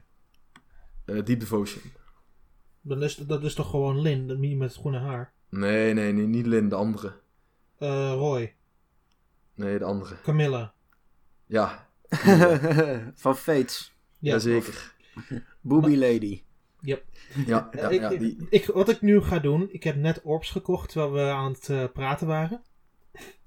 Dus ik ga nu op Focus Legendary Heroes klikken en krijgen, kijken wat ik krijg. De verslaving neemt nu Er al is- toe. Hoe Er zijn twee nou rode, weer? er zijn twee groene en er is één blauwe. Welke zal ik kiezen? ja wat, wat wil je? Heb je een... eh, jij wil eh, Lin. Eh, ja, dan moet ik dus een rode kiezen, want zij gebruikt een zwaard. Doe dat. Oké. Dus kijk wat ik krijg, jongens. Daar gaat hij. Oh. en het is... Ik heb wel een vier, vier eh, sterren personage, maar ik weet niet precies wie het eh, ook alweer is. Lee... Het is nu al zonde dat we geen video hiervan hebben. Lidina. Lidina. Ik weet niet meer van welke games het ook alweer is, maar dat zoek ik wel naar, naar op. Maar ja, een vier sterren personage is ook niet echt slecht. Nice. Blijf rollen totdat je Lin hebt. Maar goed, ja, jij, jij hebt eigenlijk al, eh, al eh, antwoord gegeven op de volgende vraag die we nog hadden staan. Eh, ga je hier nou geld aan uitgeven of ga Ja. je free-to-play proberen te houden? nou ja, Daan eh, is duidelijk aan het spenderen gegaan. Dus, eh, Dit is nou, volgens mij nog erger dan roken, volgens mij. Deze soort Ik- verslavingen. In ieder geval Oh, ik heb, al- ik heb nog een keer gerold. Ik heb nu eh, Hanita, de, de samurai van Fates. Oké. Nice. Ja, kijk, dus eh, Daan heeft in ieder geval nu al meer geld gespendeerd aan deze game dan aan Super Mario Run. Dus Nintendo is eh, alweer heel erg blij met hem. Dus eh, dat is altijd fijn eh, om te horen. Ehm, ik eh, ga voorlopig geen geld uitgeven aan de game. Ik ga zoveel Maar hey, to be fair, ik ben, ook, ik, ben ook in het publiek dat een hele grote Fire Emblem fan is. Dus dan wil ik ook bepaalde Ja. personages in mijn team hebben. Het, het, zijn, Ja. mensen zoals, het zijn mensen zoals heb- jij waar ze het van moeten hebben. Ik heb alweer een 4 sterren personage, Hawkeye. Huh. ja, maar het is nog steeds geen vijf... Het is, nog, niks. het is nog steeds geen vijf sterren Lin, hè? Dus blijven, blijven poelen. Nou, ik vind het wel genoeg. Drie, Zorg ervoor dat die duizenden euro's er doorheen gaan. Drie goede personages erbij. Ik moet nog even uitvogelen hoe ik die personages kan upgraden. Want ik heb een personage dat ik heel erg lief heb, die drie sterren is. En ik wil hem eigenlijk vijf sterren hebben. Ja, dat, eh, ja, daar heb je een eh, speciaal menu voor eh, bij je party. Oké, dan ga ik dan zometeen nog even naar. Maar dat is voor na deze podcast. Inderdaad, inderdaad. Ik, ik, Nee, moet, dus ja, dan, ik moet er niet te veel naar gaan kijken, want dan ga ik alsnog weer beginnen met spelen. Want zo'n Ja. ik ben- zo'n persoon ben ik nou ook wel weer, you know? Eh, Het is leuk. Nee, ik, ik heb nog nooit geld uitgegeven aan een mobiele game. Eh, tot nu toe heb ik het nooit de moeite gevonden. Ja, misschien dat deze game het ineens wel bij mij eh, voor elkaar krijgt. Maar voorlopig heb ik zoiets van... eh, probeer het zo lang mogelijk gratis te houden. En eh, tegen die tijd dat de verslaving echt toeslaat... dan zit er ook nog een limiet op mijn bankrekening. Dus dat scheelt. Ja, een tip bij dit soort games is dat vaak de current in-game currency, daar komen vaak wel aanbiedingen voor. En eigenlijk moet je nooit in-game currency kopen eh, buiten die aanbiedingen om, want dan, ja, dan betaal je echt belachelijke bedragen voor heel weinig. Terwijl je vaak eh, voor de helft van het geld tijdens een aanbieding hetzelfde kunt krijgen. Eh, dus ik verwacht dat dat ook wel op redelijk korte termijn een keer zal gaan komen. Ja, goed, daarnaast had ik al gezien dat ze ook een tijdelijk events eh, al in de game hebben zitten. Dus dan kun je tijdelijk een bepaald personage Sophia. met één of twee... Sophia Ja, kun je die, die, krijgen. kun je, die kun je op dit moment inderdaad op één of twee sterren krijgen. Nou, dat soort events eh, zorgen er ook voor dat je steeds blijft terugkomen. Want ja, je wil, die, je wil dat personage toch eventjes scoren. En nou goed, en dan kun je hem, als je het een leuk personage vindt, kun je hem dus helemaal gaan trainen tot eh vijf sterren. Nou goed, daar zul je waarschijnlijk best wel een tijdje mee bezig zijn. Maar op die manier blijf je wel steeds mensen terug eh, eh, trekken in het spel. En Ja, maar- ik, ik denk ook dat dat een van de redenen is waarom Fire Emblem Heroes een succes gaat worden. Ook omdat, eh, één, ze hebben het echt wel verwesterd. Of in ieder geval, ze hebben het gacha-principe proberen ze voor mijn gevoel te verwesteren. En ik denk dat dat al wat ik in ieder geval tot nu toe gezien heb, goed lukt. En ja, daarnaast, het is gewoon echt, voor mij is het, voelt het echt als een Fire Emblem game op mobile. En dat, dat gevoel, dat is natuurlijk wel heel belangrijk als je dat bij mensen kunt achterlaten. Want hoe denken jullie daarover? Ja, ik denk dat het die fans die ze met de 3DS-games en zo hebben vergaard, als die dit nu gaan, gaan installeren, zullen ze in het begin echt super leuk gaan vinden. Waar ik wel een beetje benieuwd naar ben, is hoe lang ze het aantrekkelijk gaan laten houden. Want, ik, ja, want... Nu, zijn we, nu zijn we een paar weken zoet. Mm -hmm als het mee zit met uh, personages upgraden, met uh, sowieso door die chapters heen komen. Misschien nog wat arena dingen, et cetera. Misschien nog wel een hogere moeilijkheidsgraad als je misschien alleen normaal of uh, hard hebt gedaan. Ja, precies. Maar ik ben benieuwd wat ze willen gaan doen om ons terug te laten keren naar die game. Want over een maand dan is meer dan de helft van de mensen er sowieso klaar mee. Zonder dat er nieuwe content is. Dus ik ben dat wil ik graag nog even van ze weten. Ik had trouwens even opgezocht dat, dat gaat wie, komen. Uh, wie uh, Lilia ook alweer was. Dat was de hoofdpersonage van de eerste Fire Emblem game op uh, eh, GBA. Ja, die heb ik dus nooit gespeeld. Ja, inderdaad. maar ik heb hem wel gespeeld, maar ik, ik, ik, ik ken haar nog omdat ze een, een cameo had in Fire Emblem voor GBA. Maar goed. Nee, maar weet je, dit, dit soort games verleent zich gewoon heel goed om content te blijven toe te voegen. En uh, dat, dat gaat zeker gebeuren. Daar heb ik maar wat, uh, wat, voor content, wat voor content willen jullie zien? Uh, waarschijnlijk, nou ja, goed, wat wil ik zien? Dat, dat weet ik nog niet precies, want ik weet natuurlijk niet waar het nu eindigt. Uh, maar wat je vaak ziet is dat uh, er gaandeweg steeds nieuwe chapters toegevoegd worden. Want je kunt nu tot en met 9 nou goed, waarschijnlijk is dan het verhaal nog niet afgelopen. Dus kun je verder omhoog. Ik zag ook dat er nog een andere, onder de main storyline, daar staat ook nog een ander knopje onder. Waar op dit moment nog niks onder zit of wat ik nog niet Dat zijn de paralogs, die zijn ook in de normale games. Dat zijn ja. andere werelden verhalen. Um, ja. Dus dat zou een mogelijkheid kunnen zijn waar bepaalde personages die niet in het hoofdverhaal zijn tegengekomen, die dan op die manier kunnen worden toegevoegd aan het spel. Ja, juist. Ja, dus want... dat, dat, zijn al, dat zijn in ieder geval al twee manieren waar ze content uh, aan uh, dus kunnen toevoegen. Ja, maar er zit, wel een, er zit wel een limiet aan. Want als je die main story de hele tijd blijft verlengen, dan krijg je een super langdradig verhaal. Dus op een gegeven moment zul je inderdaad wel naar dat soort side stories moeten gaan. Of, ja, ja, uh, dingen, aan de, of dingen aan de arena moeten toevoegen, of dat soort dingen. Nee, daar ben ik het mee eens. Als we heel eventjes kijken naar een, uh, hoeveel, chap uit hoeveel chapters uh, bestaat uh, Awakenings, een chapter of 30 of zo, of 32 volgens mij. Ik geloof iets van 26. Nou, in ieder geval heel veel. Nou goed, voordat we daar zijn, zijn we waarschijnlijk wel een aantal, uh, anderhalf jaar of twee jaar verder. En als ze daarnaast gewoon inderdaad ook nog side chapters uit blijven brengen en uh, events uh, organiseren, want we gaan dadelijk bijvoorbeeld Pasen krijgen. Nou, dan is er een speciaal event voor Pasen. Nou ja, dat soort dingen daar doen maar dat wil Games ik, vaak iets mee. Dat is leuk, maar dat wil ik dan ook kunnen gebruiken. Behalve dat je dan personages krijgt in een uh, speciale personages of speciale kostuums of ja. weet ik veel, dat soort dingen. Ik wil ook wel, zeg maar, dat het dan terugkomt in uh, bepaalde missies of, game, of gewoon gameplay mogelijkheden. Ja. En daar ben ik, dat, dat wil ik, zeg maar, zien. Uh, ja, ja, je bedoelt echt meer manieren om het spel te spelen dus. Ja, precies. En ik ben benieuwd hoe ze dat willen gaan toepassen. Want anders denk ik dat... Ik denk dat ik niet de enige ben die dat vindt. Uh, denk ik dat er wel redelijk wat mensen zijn die uh, zeggen: Oh, even kijken. Nee, dit is niet voor mij. Uh, dit event vind ik saai. Tot ziens, tot het volgende. Tot Ja, maar ik denk, ja, ik denk ook een beetje. Dan... Het probleem is met die events is dat de personages moeten liggen. We hebben nu ook Sophia en niet iedereen heeft de, de GBA-game gespeeld. En dat, dat is een hele interessante kwestie, vooral voor het westers publiek. Um, ja. Maar ik denk dat ze op een gegeven moment er ook aan moeten geloven om een keer een hoger sterpersonage gewoon op deze manier weer weg te geven. Uh, want het, ja, maar dat, dat, dat gaat waarschijnlijk ook wel gebeuren. Dat zal vast wel gebeuren. Want ze moeten mensen ook wel een beetje weer terugtrekken naar die game op een gegeven moment. Uh, want ik heb ook steeds constant het idee dat ik constant updates krijg van de game als het stamina weer vol is. Als ze dan op een gegeven moment gewoon een bericht geven van... Hey, er is een heel hoog ster personage nu beschikbaar. Dan kom ik in, in, instant meteen, meteen weer terug naar die game. Want ik wil gewoon weten wat er dan te doen is. Ehm, Ja, maar ik wil de Nee. personage ook gaan gebruiken. ja, absoluut. Ja, nee, maar ja, goed, je hebt op dit moment heb je dus de special maps, je hebt de story maps. Nou, in die story maps heb je dus de onderverdeling van de main story en de paralogs. Eh, daarnaast heb je nog de arena duels. Eh, nou, dat, dat is inderdaad meer de competitie met andere spelers Player versus die player, in het spel zit. Ehm, Ja, dat gaat niet- nog leuk niet, worden. Niet, niet, niet live, maar wel, ja goed, de, de, dat Ghost is, nee, data dat is, eigenlijk. ja, Ghost Data, dat is, dat is nooit live. Dat is in de meeste gacha games in ieder geval niet. Eh, daarnaast heb je nog de Training Tower. En er is ook nog een, eh, een eh, plek waar nog vraagtekens bij staan. Dus ook daarbij zullen ze waarschijnlijk nog wel iets gaan toevoegen.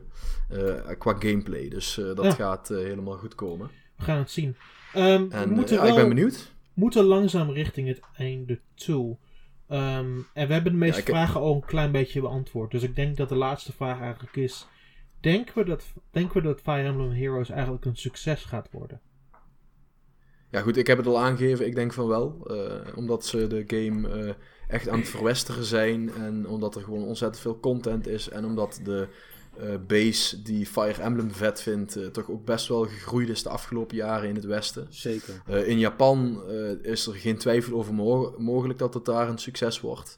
Ja, in het Westen, ja, buiten het feit om die dingen die ik nu net zeg, moeten we het nog heel even bekijken. Want het blijft toch Sure. een gacha game. En dat, dat, dat ligt gewoon niet zo goed bij het westerse publiek over het algemeen.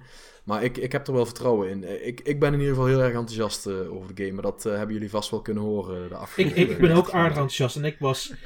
Als je de vorige aflevering geluisterd hebt, was ik hem super nerveus over die game. Want ik, ik Ja. ehm, neem alles wat Fire Emblem is, is erg voor lief. Dus ik ben super bezorgd als ze nieuwe dingen gaan proberen. En toen ook toen destijds met Awakening en zo was ik ook erg bezorgd. Eh, maar dit was een hele aangename verrassing. Ik vind nog steeds... Ik ben gewoon eerlijk. Ik vond het ehm, makkelijk om doorheen te komen. Maar ik vermaak me nog steeds. En dat is nog steeds het allervoornaamste. Als ik een goede tijd heb, dan is dat veel malen belangrijker dan een hele harde game uitspelen. En tot, Precies. en tot nu toe vind ik het nog steeds zo leuk dat ik er zelfs nog echt geld aan heb gespendeerd. Dus Yo, Dus hoe, hey. hoe, hoe, hoog staat de teller nu bij jou? Waar staat de teller nu op? eh, ik ga daar geen uitspraak over doen. Want ik vind, ik, nee, nee, nee, nee, niet, niet, omdat, niet omdat ik het niet wil zeggen, maar gewoon omdat ik, Geweldig. niet omdat ik het niet netjes vind om Ja. gewoon over geld te praten op, op, eh, op een plek zoals dit. Waar zal, de, waar zal de teller volgende week om deze tijd op staan? Nou, Boven dit- of onder de 100 euro? Nou, sowieso onder, want dit, week- dit hele weekend ben ik weg, dus ik kan toch niet zoveel van mijn gebruik maken van mijn mobiel. Hoezo? Je bent toch onderweg? Dus dan kun je lekker veel op mobile gamen. Dat, Ik ben in Duitsland. gemaakt Ik, dan. ben- ik ben in Duitsland. Ik ga niet zoveel gebruik maken van mijn mobiele internet. Maar dat kost niks meer, dat kost, eh, niks meer eh, tegenwoordig. Nou, vanaf juni niet meer. Nee. Nou ja, maar dan Maar- kost het nou nog steeds niet veel. Maar we dwalen af.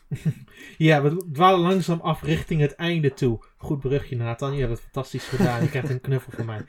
Ehm, ja, ik, ehm, ik ben heel erg enthousiast over Fire Emblem Heroes. Eh, we gaan er waarschijnlijk nog wel een keer over terugkomen over een paar weken en zien hoe we erover voelen. Eh, als we het spel eenmaal hebben uitgespeeld, maar voorlopig. Het heeft een goede impressie achtergelaten. Zeker. Ehm, Zeker weten. Gezien we nu richting het einde zijn, is het lijkt me ook een goed moment om eh, bepaalde dingen op de website nog even onder de aandacht te brengen. Eh, de top 10 voor 2017 is nu in zijn geheel nu online. Eh, je kunt Yes. zien welke games we in 2017 het meeste naar uitkijken. Er is ook een, nog een lijstje met eervolle, eervolle vermeldingen voor de goedheid. Maar er is heel wat goeds om daar te bekijken. Je kunt zien hoe, wat, we denken, wat we denken over Breath of the Wild, Splatoon 2 en een heel stel andere games. Eh, er is ook een recensie van Pucci en Yoshi's Woolly World. Die is geschreven door onze goede vriend Erik uit Friesland. Ja, zeker aan te raden om die even te checken. Want ja, dat, eh Ja, dat is natuurlijk wel echt... eh, Lees de recensie van Pucci en Yoshi's Woolly World. Ik denk dat je aardig verrast zal zijn. Persoonlijk, ik heb hem ook door kunnen spelen. Ehm, ik was iets lager dan Erik. Ik heb hem op Nintendo World Report een 8 gegeven. Hij een 8,5. Maar dat is nog steeds redelijk in dezelfde front, zou ik zeggen. Is, is nog steeds een zeer goed cijfer. Ja, nog steeds een heel goed cijfer. Want ik zal ook eerlijk zijn. Van alle ports die ze van Wii U naar 3DS hebben gemaakt, is deze de allerbeste. Ze hebben eigenlijk goed hun best erop gedaan om dit op een redelijke manier naar de Nintendo 3DS te brengen. En ehm, als je geen Wii U hebt en je wilt nog steeds, wilt nog steeds spelen, dan ehm, zou ik het absoluut op de 3DS doen. Het speelt nog steeds op dezelfde manier goed weg. En heeft alle content die je wil. Kijk, dat is mooi. Absoluut. Ehm, buiten dat, ehm meeste van de hands-ons van de Switch events zijn nu online. Ehm, ik wil iedereen bedanken binnen de redactie die mee heeft geholpen om ze te vertalen. Want anders was ik er helemaal niet aan toegekomen. Dus ik wil jullie bij deze ook allemaal heel hartelijk ervoor bedanken. Ja, nou, het was eh, een een waar genoegen. Nee, het is... Ja, volgens mij de laatste twee die op dit moment nog niet online staan, maar waarschijnlijk tegen de tijd dat deze podcast online waarschijnlijk wel online zijn, staan, zijn eh, Just Dance en nog alleen eentje, als ik me niet vergis. Nee, ook nog eh, Skylanders. Ja. Eh, Skylanders Imaginators. Inderdaad, dat, ja. zijn, dat zijn de, inderdaad de laatste twee die nog moeten gebeuren. Buiten dat staan ze nu allemaal online. Zo check die uit. En buiten dat blijf gewoon N1 en Nintendo. Ik vind het altijd moeilijk hoe je moet zeggen gewoon en Nintendo. Zoiets. Niemand, niemand, La- niemand die weet het. Dat is het La- mooie. laten we het gewoon N1 noemen, dan is het gewoon eh, duidelijk. Ga naar www.n1nintendo voor, de, voor het laatste nieuws, voor de laatste recensies en wat er uitkomt in de wereld van Nintendo. Dat is het allerbelangrijkste. Blijf de website checken, want dat vinden wij ook leuk. En plaats gewoon een reactie als je een keer de tijd hebt. We krijgen op het da- dagelijkse nieuws nooit zoveel reacties, maar we vinden het wel leuk om jullie reacties af en toe door te nemen en te lezen. Te zien wat jullie denken. Zeker. Dus blijf gewoon eh, comments plaatsen. We vinden het hartstikke gezellig. En doe het ook vooral op deze podcast ook. Want we vinden het belangrijk om te weten wat jullie van de podcast vinden. Ehm, Precies. voor nu gaan we het voor deze week afsluiten. Ik bedank Patrick en Nathan. Yes. Geen dank. Jij ook bedankt, Daan. Geen punt. En ik bedank jullie allemaal ook voor het luisteren. En we wensen jullie allemaal een fijne week toe. Tot ziens. Doei doei. Hou.